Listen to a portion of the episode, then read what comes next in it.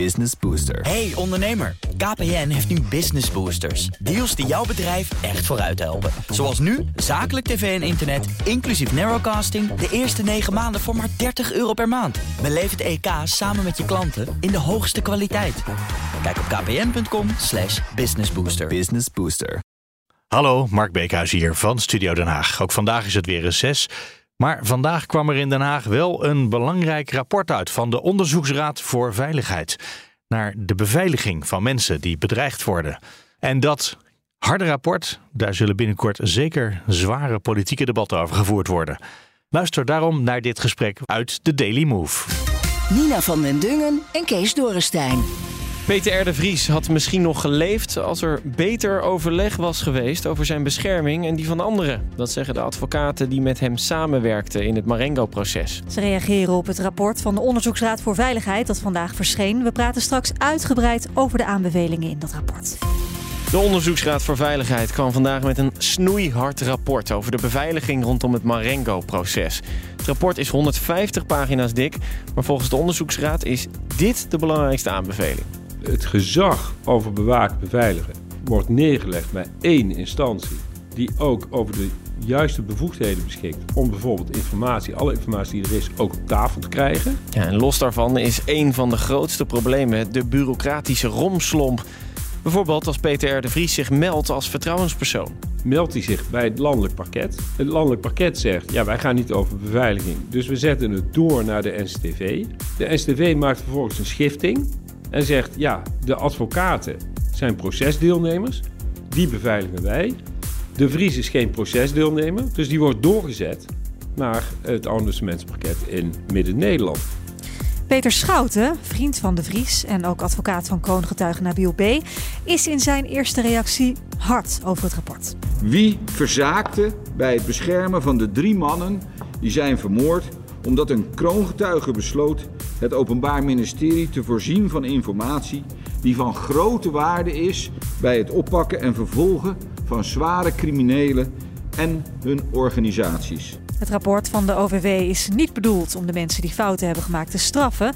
Daar heeft Schouten wel een kanttekening bij. Maar het is natuurlijk onmogelijk om het stelsel bewaken en beveiligen en de kwaliteit van het werk van het OM te verbeteren als het blijft worden uitgevoerd door mensen die niet professioneel genoeg zijn om het goed te doen. We praten verder over dat rapport en de reacties erop.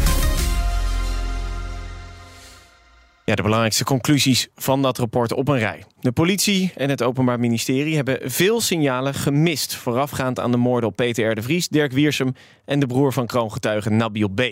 Er moet een betere informatieuitwisseling komen tussen de opsporingsdiensten en het stelsel bewaken en beveiligen. Het samenwerkingsverband van de beveiliging eh, wordt daarin geregeld. En het samenwerkingsverband tussen die twee moet beter geregeld worden.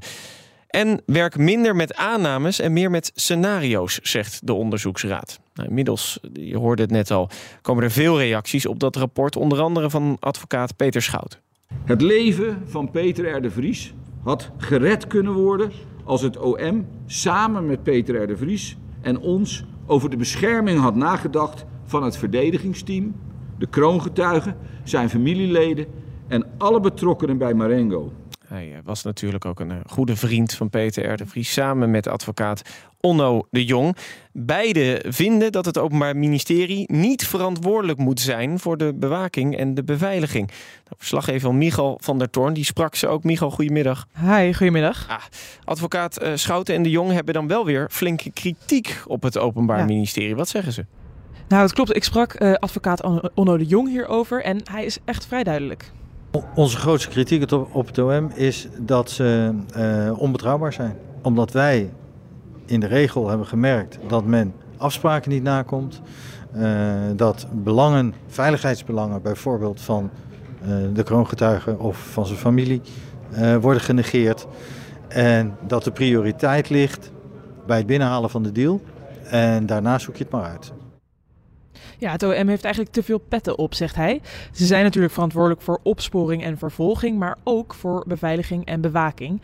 En dat zorgt dus voor situaties uh, waarin er met iemand wordt onderhandeld over de kroongetuigen, maar dat er ook wordt gepraat over de beveiliging. En dat is onwenselijk, zegt de Jong. Het OM zou niet meer verantwoordelijk moeten zijn voor het beschermen van de mensen rondom een kroongetuige. Ja, ook, ook uh, uh, Royce Vries, zoon van Peter R. de Vries, moet er een gedragsverandering plaatsvinden bij het OM. Uh, volgens hem was het Openbaar Ministerie ook bang dat um, ze met zijn vader het paard van Troje binnenhaalden, omdat hij misstanden bloot zou kunnen leggen. Hoe moet het dan anders? Ja, het is wel een ingrijpende verandering, zeggen Schouten en de Jong.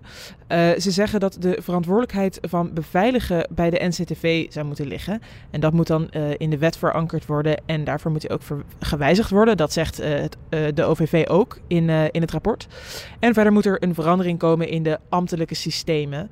Um, de twee advocaten zien het liefst dat er mensen persoonlijk uh, verantwoordelijk gehouden worden, maar ze noemen dan weer geen namen. Het is heel pijnlijk voor het OM dit, hè? Want eigenlijk mm. wordt er gewoon gezegd van het OM die kan dat niet, is niet capabel om beveiliging en bewaking te regelen. Hebben zij gereageerd? Zij hebben nog niet gereageerd. Ik ja, misschien dat ze dat nog wel gaan doen. De, ministerie, of de minister van Justitie, Jesselgus, heeft wel gereageerd. Ze zegt dat het kabinet afgelopen jaren al veel heeft gedaan, al veel uh, verbeteringen heeft ingezet, uh, investeringen heeft gedaan om het stelsel uh, van bewaken en beveiligen te verstevigen. Ze geeft wel toe dat er nog wat moet gebeuren, zeker nu de dreiging vanuit de georganiseerde misdaad de laatste jaren flink is toegekomen en natuurlijk nu dit enorm kritische rapport er ligt. Um, ook reactie vanuit politievakbond ACP. Die zegt ook het systeem moet flink op de schop. De bond zegt wel natuurlijk dat de uh, druk op politiemensen erg hoog uh, ligt en lag. Maar de aanbevelingen uit het rapport gaan ze ook ter harte nemen. The Daily Move. BNR Nieuwsradio. Nina van den Dungen en Kees Dorrestein.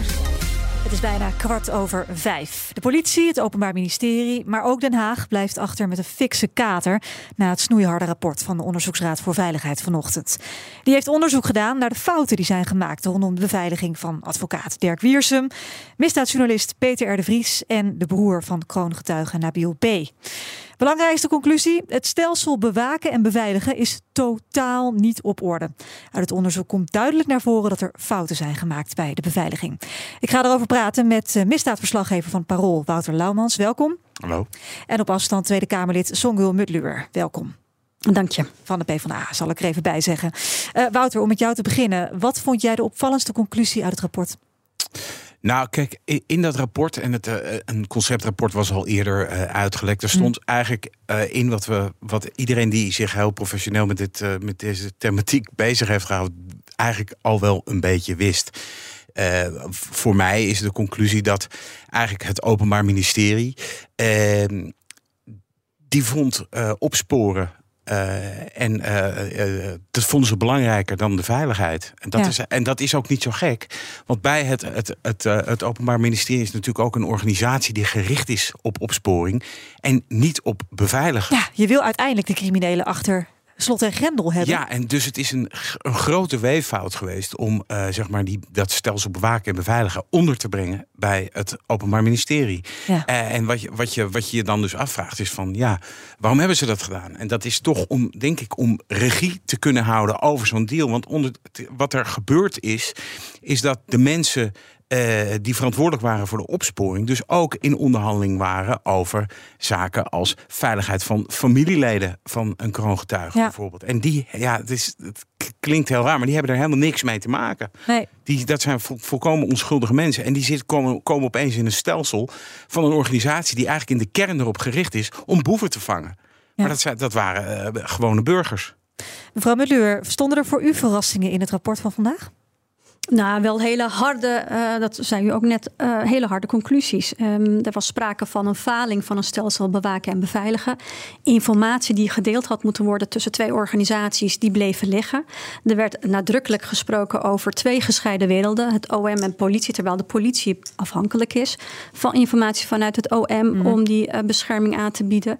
De miscommunicatie en ja, aannames die niet werden getoetst of gemonitord. Met andere woorden, er zijn richting hè, of in de aanloop uh, naar de moorden van, uh, nou ja, van, van Weersum, uh, Peter R. Vries en Redouan B. hele grove fouten gemaakt. Terwijl je heel goed weet dat je hier te maken hebt met georganiseerde criminaliteit. Dit zijn gewetenloze criminelen die gewoon nergens voor terugdeinzen. Dus je moet elk signaal goed, weten, goed wegen, omdat dat uh, uiteindelijk uh, een, een, leven kan schelen. En dat hebben we gezien, helaas. Drie levens. En dat is misschien nog wel het meest uh, schokkende ook, Wouter. Dat het niet één keer mis heeft kunnen gaan, niet twee keer, maar drie keer.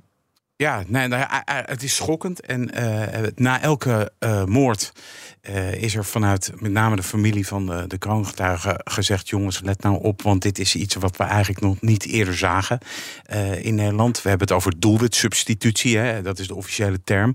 Dat betekent dus dat je, als je niet bij je doelwit kunt komen, dat je zegt: nou, dan pak ik zijn zus, zijn broer, zijn advocaat, zijn vertrouwensman, dan doen we dat.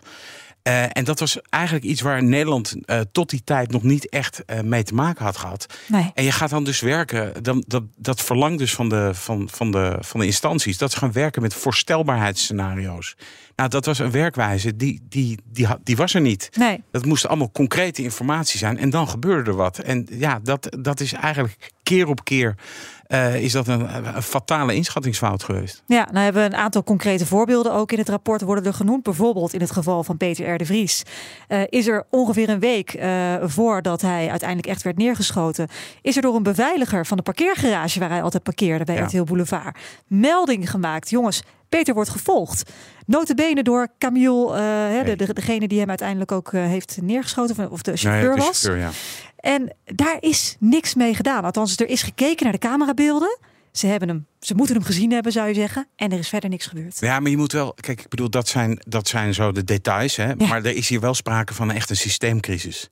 He, dus dus dit is misgegaan, uh, dat klopt ook. Mhm. Mm -hmm. Maar de, de, de, systeemcrisis die zit echt bij dat stelsel bewaken en beveiligen. En die zit ook echt uh, in Midden-Nederland. Ja, dat was het Openbaar Ministerie Midden-Nederland.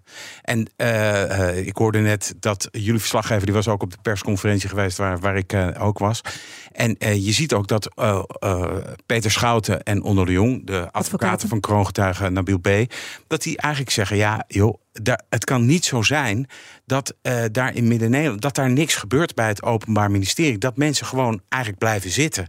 En dan wijzen ze, ik heb het hem, uh, ik heb het hem persoonlijk gevraagd: van joh, aan wie, aan wie moeten we dan denken? De hoofdofficier van Midden-Nederland. Toen zei, toen zei onder de Jong, ja, dat, dat, zou een, dat zou een optie kunnen zijn. Ja. Dus de, en het Koppenrollen. Is echt, nou, maar het is, en het is echt, er is echt sprake van een systeemcrisis. Ja.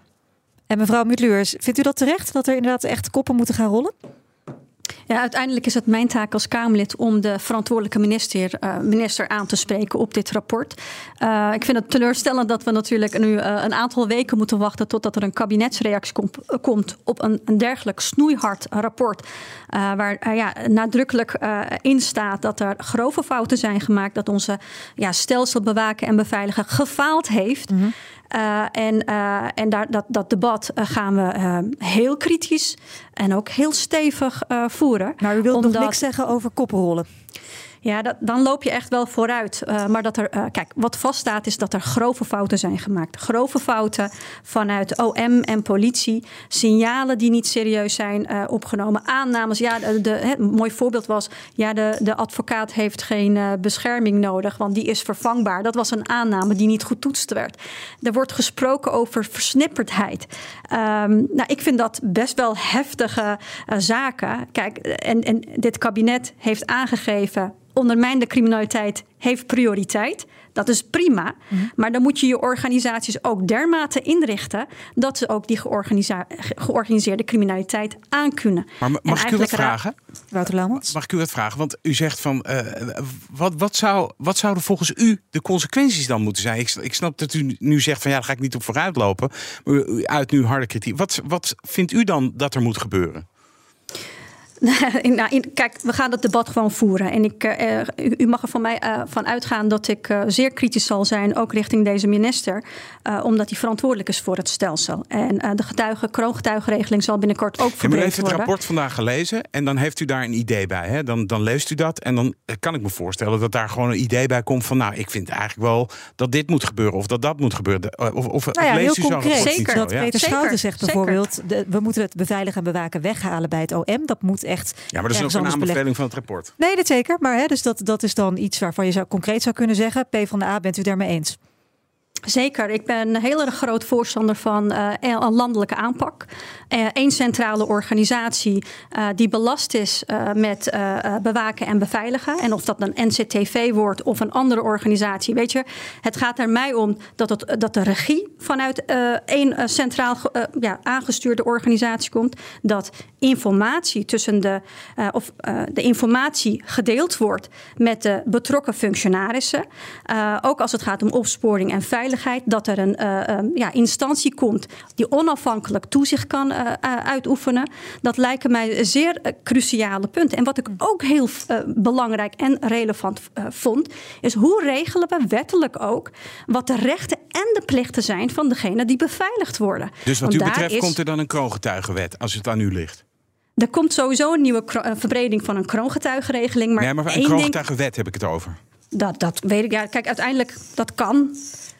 Dat kan. Uiteindelijk uh, hebben we recente discussie gehad over de regeling en de verbreding daarvan. En daarvan kan ik wel zeggen, zolang je dat stukje bewaken en beveiligen niet goed hebt georganiseerd, ja, dan vind ik het wel ingewikkeld om je regeling ten aanzien van kroongetuigen uit te breiden.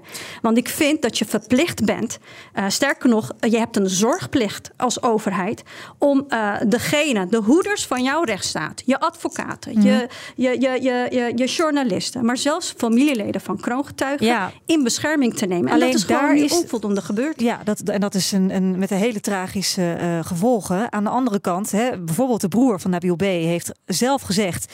Uh, ik ben in groot gevaar, ik wil beveiliging. Ja. Nou, de, de, die, die, is niet gekomen. Mm. Met als antwoord geen capaciteit.